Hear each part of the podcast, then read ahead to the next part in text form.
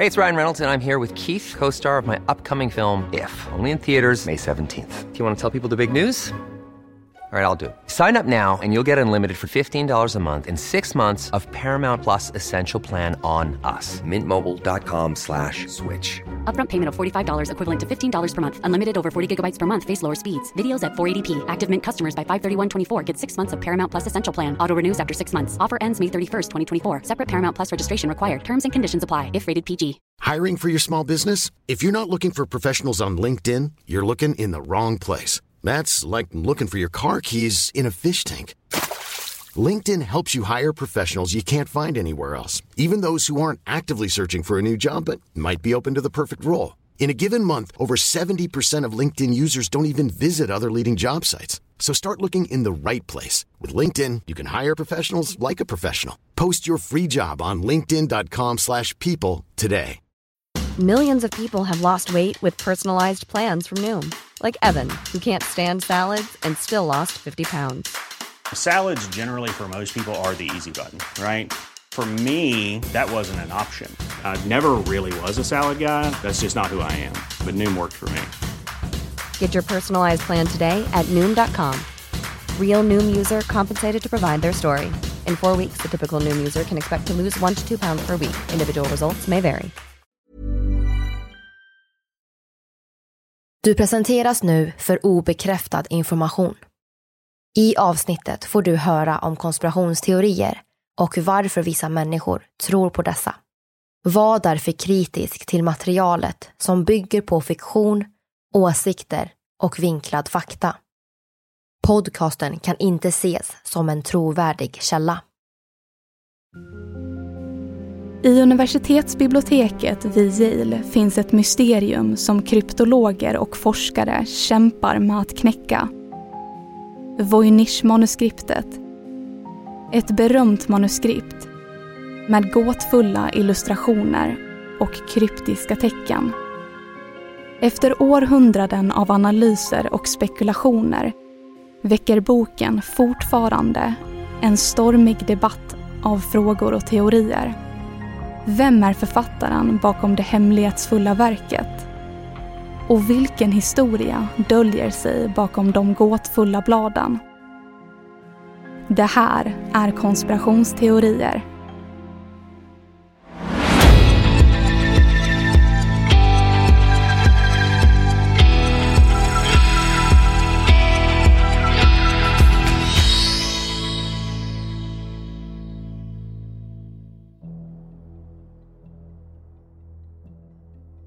Historien om Voynich-manuskriptets upptäckt är lika mystiskt som manuskriptet själv.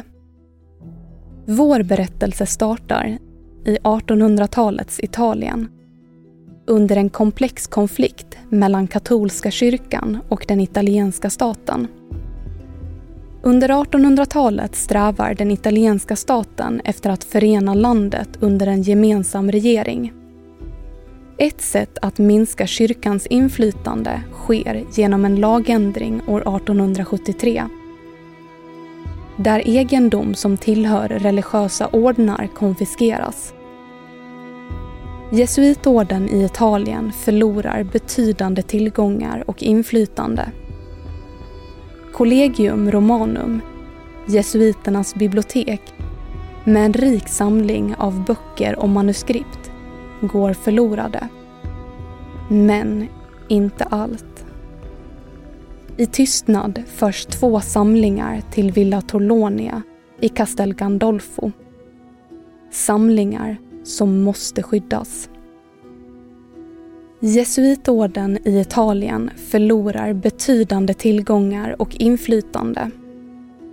Under åren blir behovet av kontanter stort och de tvingas sälja av vissa litterära ägodelar.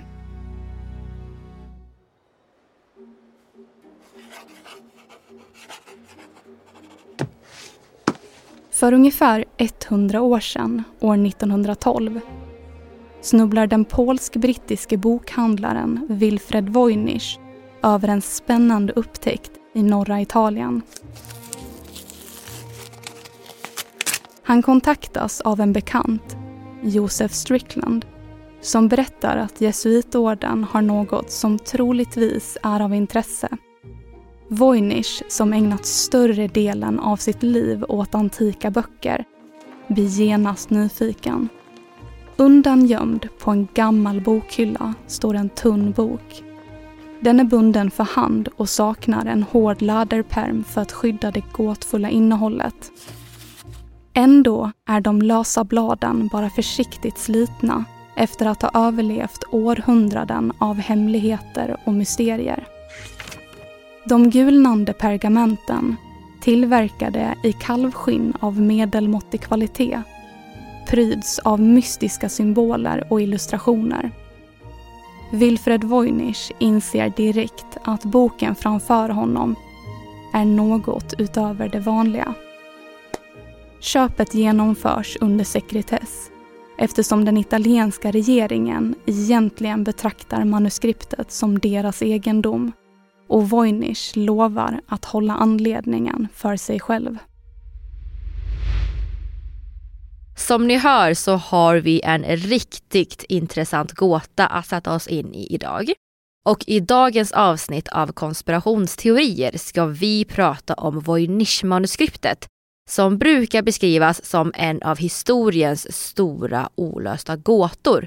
Just på grund av att vi inte har en aning om vad som står. Mm. Så vad är Voynich-manuskriptet och vad är syftet? Är det här ett hemligt språk? Är det något hemligt som beskrivs eller är det bara nonsens? Idag så kommer vi att titta närmare på om det kan vara ett kodat språk eller om det bara är hittepå. Och det första jag tänkte på när jag fick höra om detta är om det kan vara så att det är en grupp människor som skriver detta manuskript och avsiktligt använder ett obegripligt språk för att hålla innehållet hemligt, där det bara är människor inom den gruppen som förstår dess innebörd. Det här är såklart endast spekulationer från mitt håll, men om vi fortsätter på den teorin så kanske manuskriptet är en sorts kod som leder till något annat eller att den innehåller viktig information om vår historia. Detta ger mig väldigt mycket vibbar av Da Vinci-koden som är skriven av Dan Brown, där man försöker knäcka komplicerade koder och hemligheter kopplade till konst och historia. Och jag tycker att det här ändå har en hel del likheter med Voynich-manuskriptet.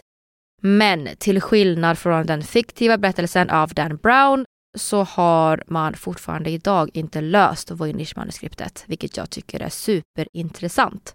Vi eh, kommer faktiskt komma in lite mer på just kodade meddelanden i nästa avsnitt. För det finns en teori som kopplar samman Voynich-manuskriptet med Leonardo da Vinci. Mm. Så mer om det kommer i nästa avsnitt. Mm, intressant. Mm.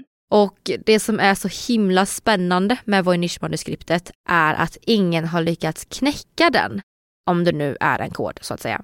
Men någonting som jag tänker på är att i och med att den fortfarande är obegriplig idag så kan detta ändå stödja teorin om att det kanske kan vara ett krypterat meddelande eller kod på ett eller annat sätt. Mm.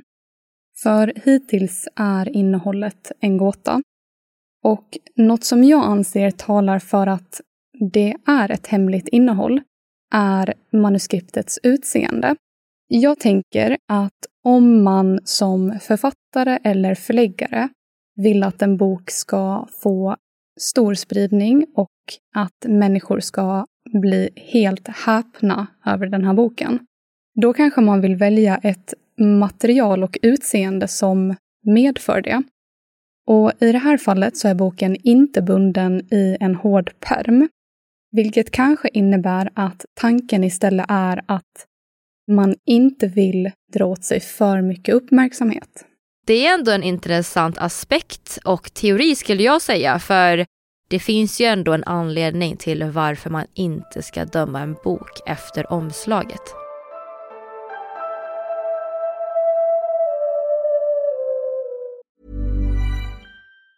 Hey, it's Ryan Reynolds, and I'm here with Keith, co star of my upcoming film, If, only in theaters, May 17th. Do you want to tell people the big news? All right, I'll do. it. Sign up now and you'll get unlimited for $15 a month in six months of Paramount Plus Essential Plan on us. Mintmobile.com slash switch. Upfront payment of $45 equivalent to $15 per month. Unlimited over 40 gigabytes per month. Face lower speeds. Videos at 480p. Active Mint customers by 531.24 get six months of Paramount Plus Essential Plan. Auto renews after six months. Offer ends May 31st, 2024. Separate Paramount Plus registration required. Terms and conditions apply if rated PG. If you thought the only way to get a more defined jawline with natural looking results was through surgery, think again. Juvederm Volux XC is a non surgical injectable gel filler that improves moderate to severe loss of jawline definition and can help you achieve natural looking results with little downtime. Even better, this improved definition lasts up to one year with optimal treatment. No maintenance required. Improve jawline definition for a smooth, sculpted look with Juvederm Volux XC. For important safety information and to find a licensed specialist, visit juvederm.com. That's J U V E D E R M.com. Not for people with severe allergic reactions, allergies to lidocaine, or the proteins used in Juvederm. Common side effects include injection site redness, swelling, pain, tenderness, firmness, lumps, bumps, bruising, discoloration, or itching. There's a risk of unintentional injection into a blood vessel, which can cause vision abnormalities, blindness, stroke, temporary scabs, or scarring. Talk to a licensed specialist to find out if it's right for you. I'm Sandra, and I'm just the professional your small business was looking for. But you didn't hire me because you didn't use LinkedIn jobs. LinkedIn has professionals you can't find anywhere else, including those who aren't actively looking for a new job but might be open to the perfect role, like me. In a given month, over 70% of LinkedIn users don't visit other leading job sites. So if you're not looking on LinkedIn, you'll miss out on great candidates like Sandra. Start hiring professionals like a professional. Post your free job on linkedin.com slash people today.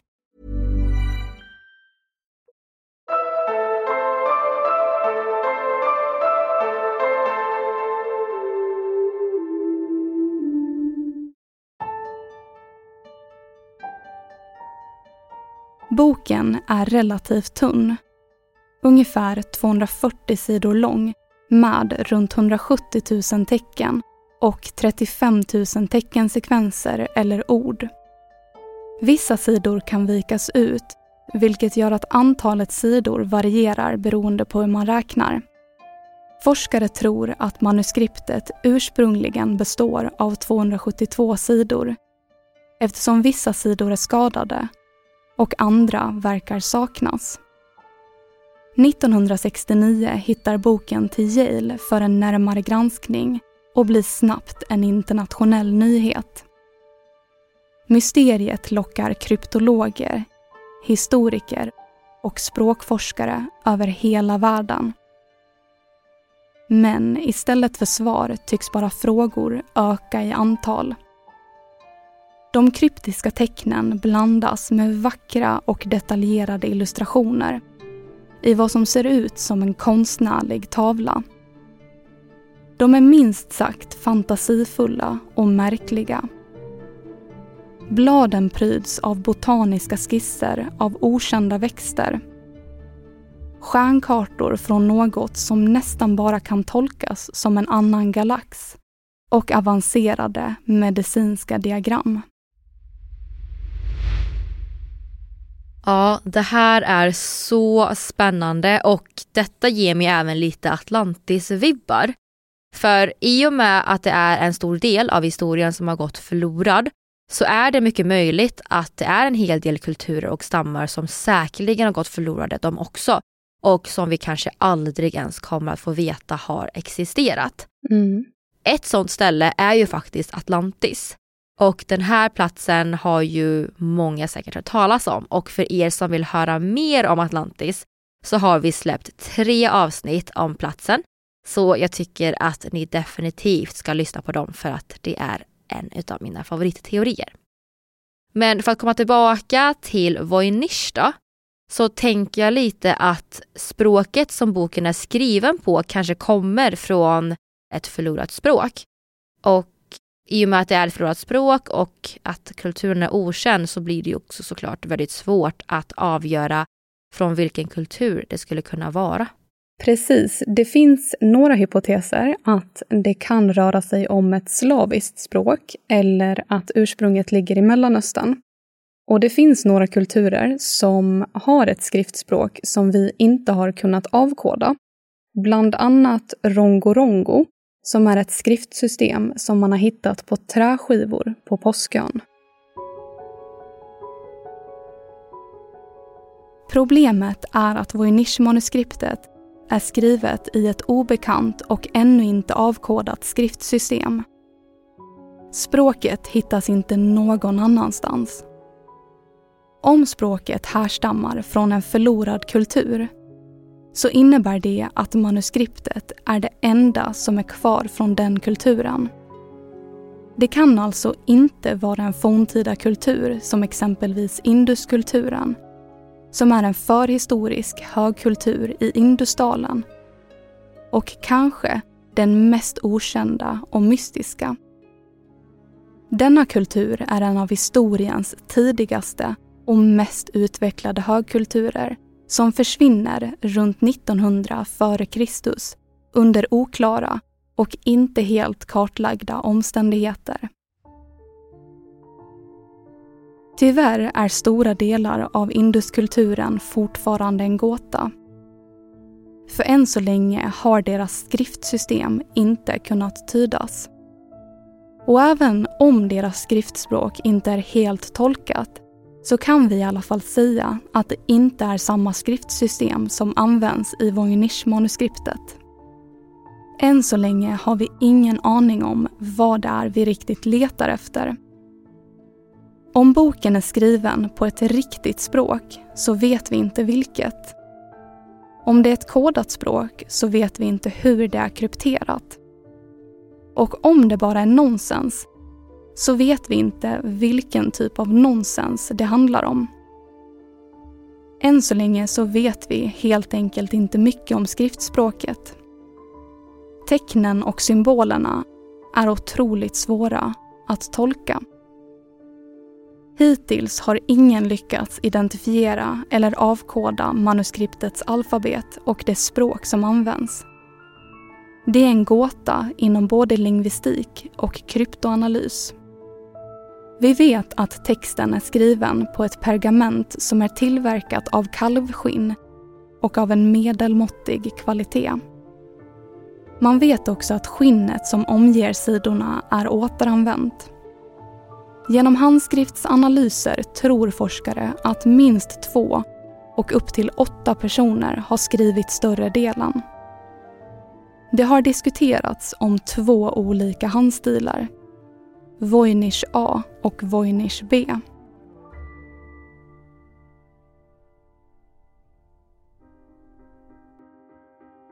Båda verkar använda samma typer av bokstäver och kan hänvisa till olika delar av manuskriptet. Boken är skriven i ett skriftsystem med runt 40 olika tecken. Texten har skrivits uppifrån och ner, oftast rad för rad, från vänster till höger. Större delen av boken är skriven i korta stycken följt av ett större radavstånd. Man kan också se att det är ett unikt och komplext skriftsystem. Vissa tecken och symboler liknar bokstäver. Men de matchar inte något känt alfabet eller skriftsystem. Andra tecken är mer abstrakta. Och denna blandning har gjort det svårare att hitta mönster för att avkoda innehållet. Tittar man på orden kan man se att det är grupper av tecken som separeras av mellanslag.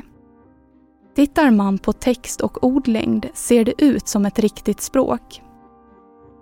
Intill bilder finns texter av tecken som upprepas gång på gång i ett mönster. Man ser även att samma ord förekommer i hela boken med en normal frekvens vilket kan tyda på att det är en meningsfull text och inte nonsens.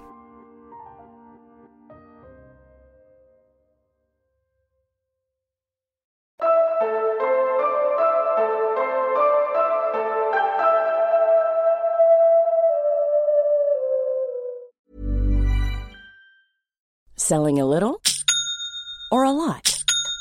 Shopify helps you do your thing however you cha-ching. Shopify is the global commerce platform that helps you sell at every stage of your business. From the launch your online shop stage to the first real life store stage, all the way to the did we just hit a million orders stage.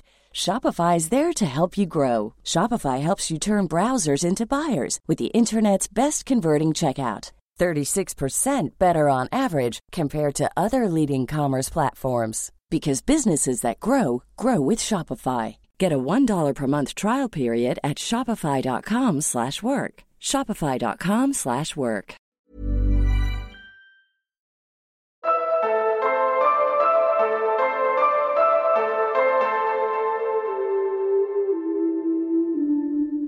En hypotes är att texten är skriven i ett avancerat kodspråk och att den är kraftigt krypterad med dolda budskap.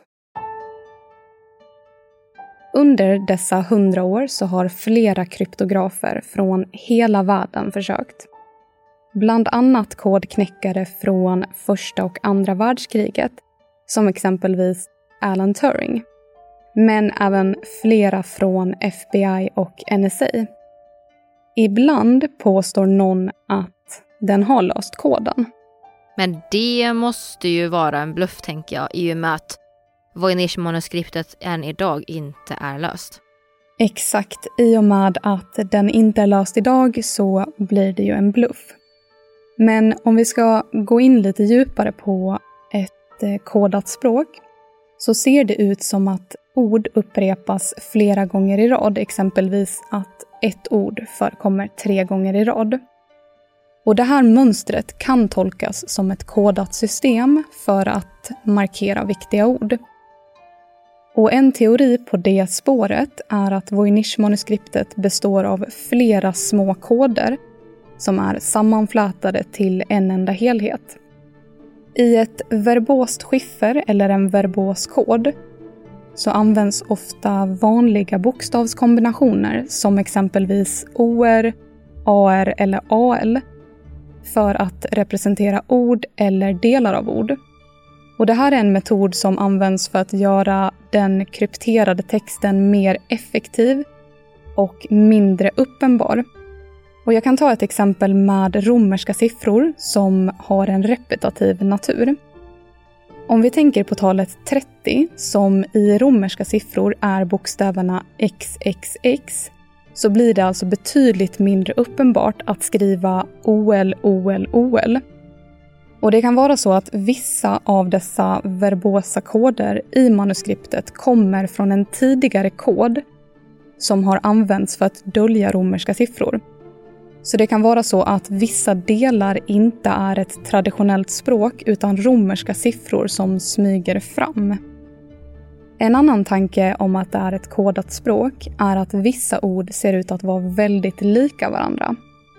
Och den här likheten skulle kunna indikera på att orden har liknande funktioner i en kod. Och det kan vara en strategi för att göra kodavläsningen ännu mer komplicerad. Det finns knappt några ord som har en till två bokstäver. Och det här kan innebära att koden bygger på längre ord eller att kortare ord undviks för att göra det ännu svårare att avkoda. Vissa bokstäver finns mest med i början, slutet eller i mitten av ett ord. Och Det här kan innebära att det blir ännu svårare att läsa av koden. Och under 15 och 1600-talet används låtsasspråk väldigt mycket.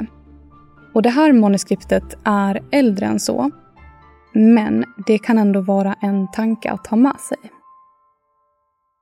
Om det är en kod så undrar man ju i så fall vad det är som döljs i manuskriptet.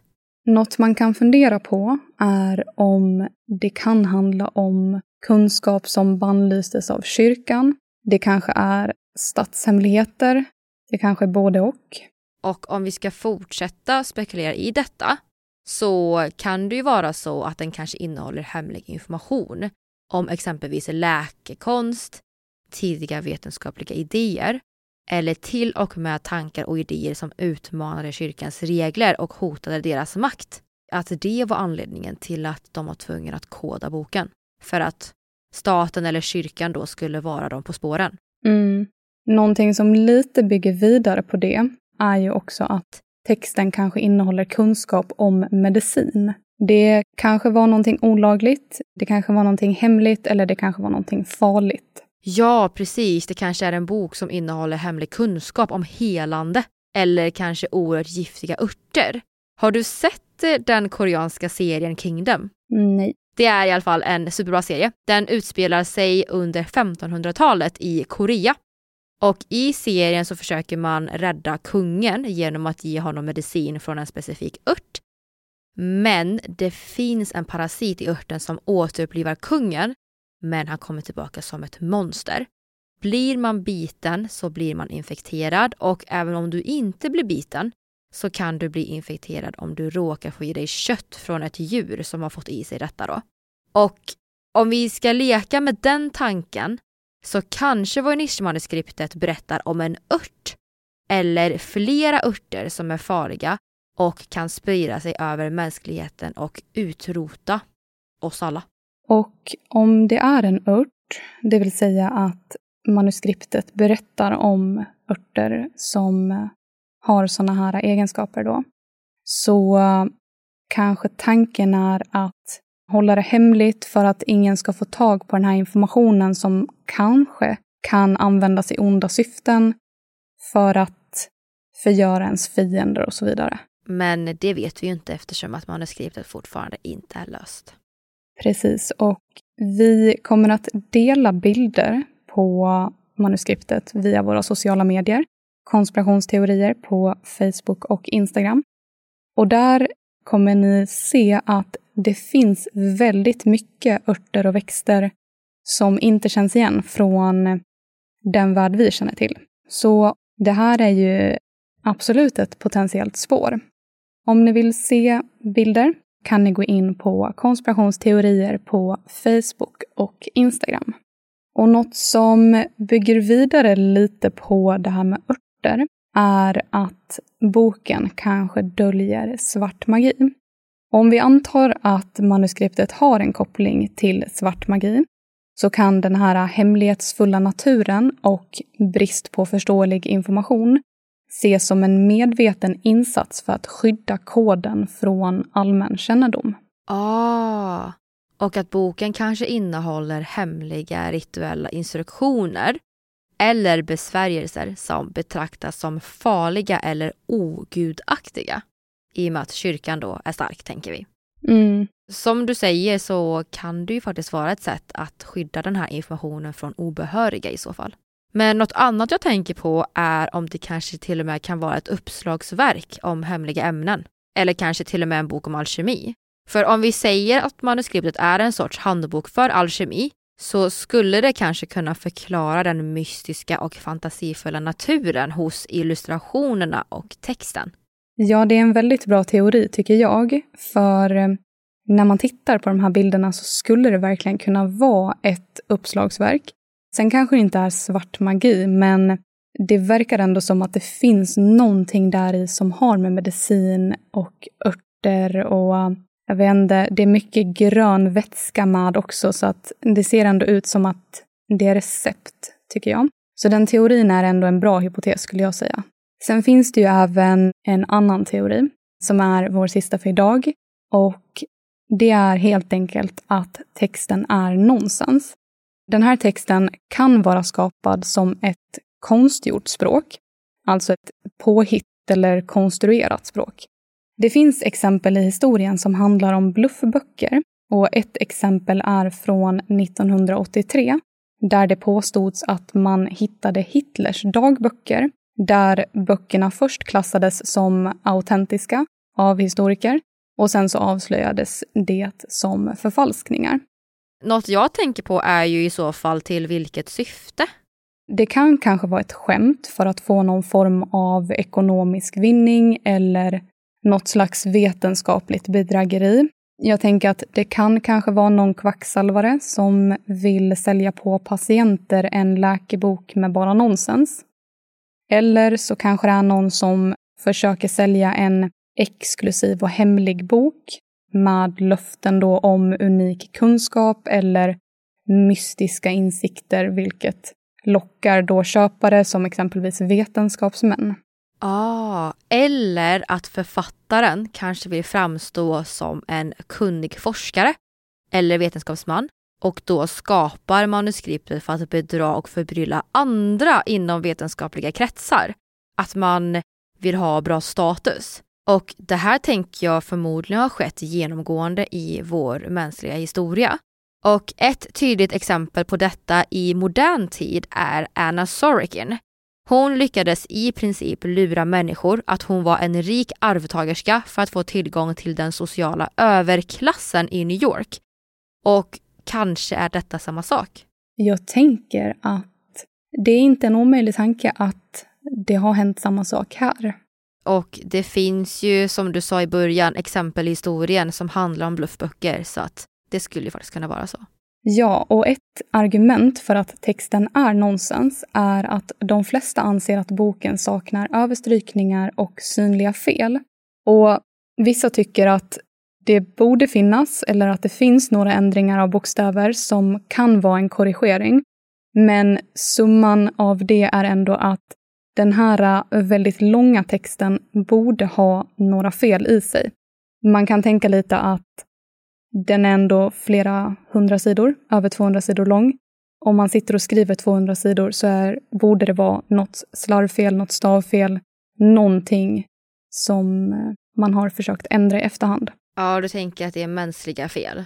Mm, precis. Den är skriven för hand. Så att det kan vara ett argument för att det här är nonsens, att det inte står någonting viktigt. För att om du skriver ett hittepåspråk, då spelar det ingen roll om du råkar skriva då två A bredvid varandra, fast det bara skulle vara ett A. Om du råkade stava fel till exempel. Så att eh, det gör ju alltså ingenting. Du kan bara sitta och skriva någonting för att det har ingen betydelse. Men vad som känns lite märkligt med den här teorin är att manuskriptet är väldigt omfattande. Det är både text och illustrationer. Så det är ju ett väldigt stort och tidskrävande arbete. Men om man däremot skulle vända på det här och eh, tänka att okej, okay, det här är ett stort och tidskrävande arbete, men det kanske är ett bedrägeri så tänker jag att de här personerna tycker att det är jättevärt att göra det. För att de kommer kunna tjäna hur mycket pengar som helst. Mm.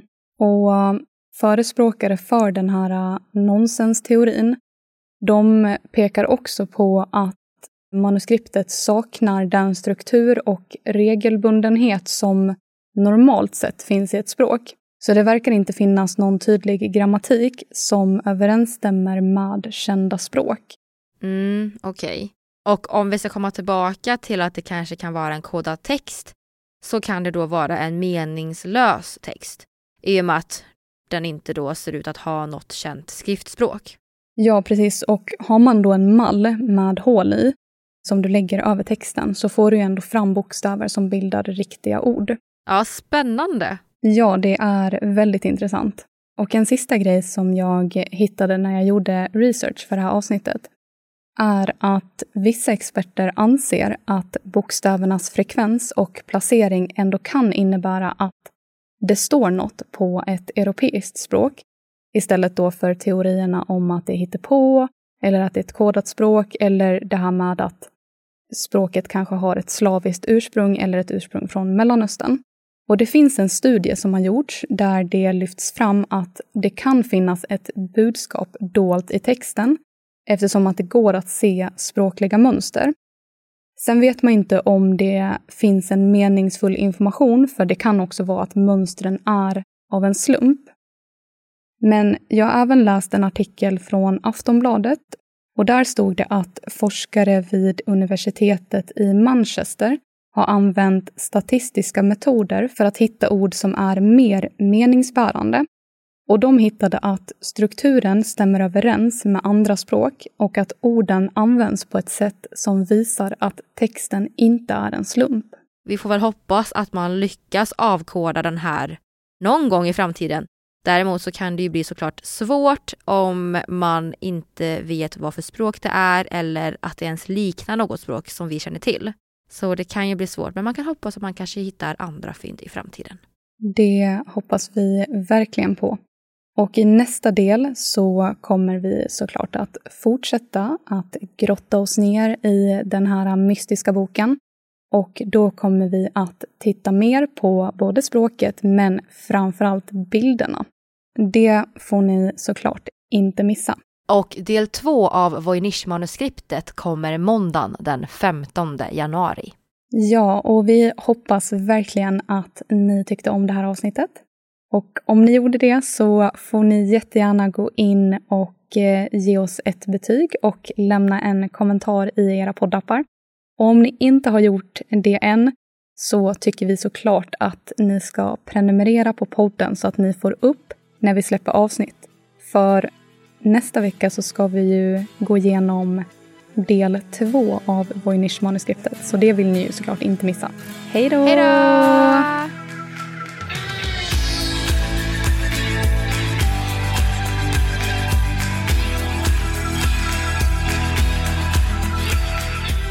Du har lyssnat på Konspirationsteorier, en produktion av We Tell Stories.